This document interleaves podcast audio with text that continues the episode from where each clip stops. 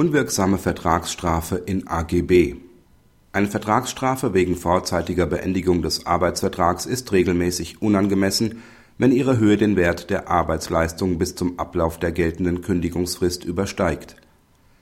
Die Arbeitnehmerin ist seit 2006 beim Arbeitgeber, einem Busreiseunternehmen, als Sachbearbeiterin beschäftigt.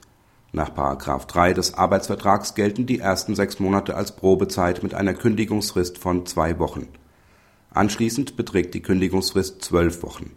§ 4 sieht eine Vertragsstrafe von einem Bruttomonatsgehalt vor, wenn die Arbeitnehmerin das Arbeitsverhältnis rechtswidrig nicht aufnimmt, es vertragswidrig vorzeitig beendet oder der Arbeitgeber das Arbeitsverhältnis außerordentlich kündigt und die Arbeitnehmerin einen wichtigen Grund hierfür gesetzt hat. Am 16.08.2007 kündigt die Arbeitnehmerin fristlos wegen gesundheitlicher Beschwerden die auf Streitigkeiten mit den Busfahrern des Arbeitgebers beruhen. Der Arbeitgeber verlangt von der Arbeitnehmerin ein Monatsgehalt als Vertragsstrafe. Der Arbeitgeber hat mit seiner Klage keinen Erfolg, denn die Vertragsstrafenabrede ist unwirksam. Es handelt sich um eine allgemeine Geschäftsbedingung, die die Arbeitnehmerin unangemessen benachteiligt und damit gegen § 307 Absatz 1 BGB verstößt. Die einheitliche Vertragsstrafe benachteiligt die Arbeitnehmerin weil sie auch für den Fall gelten soll, dass sie das Arbeitsverhältnis während der Probezeit vorzeitig beendet.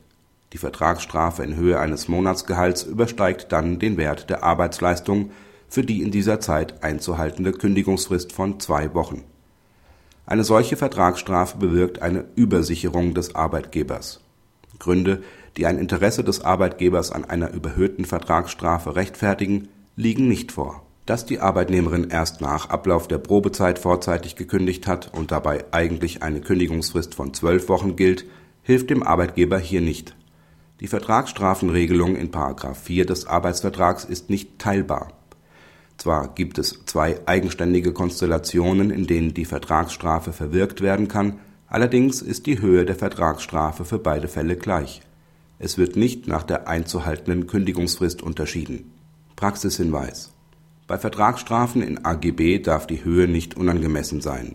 Im Fall der vorzeitigen Beendigung des Arbeitsverhältnisses ist auf die maßgebliche Kündigungsfrist abzustellen. Die Vertragsstrafe darf den Wert der Arbeitsleistung bis zum Ablauf dieser Frist nur in Ausnahmefällen übersteigen. Für unterschiedliche Phasen des Arbeitsverhältnisses mit abweichenden Kündigungsfristen ist die Vertragsstrafe anzupassen.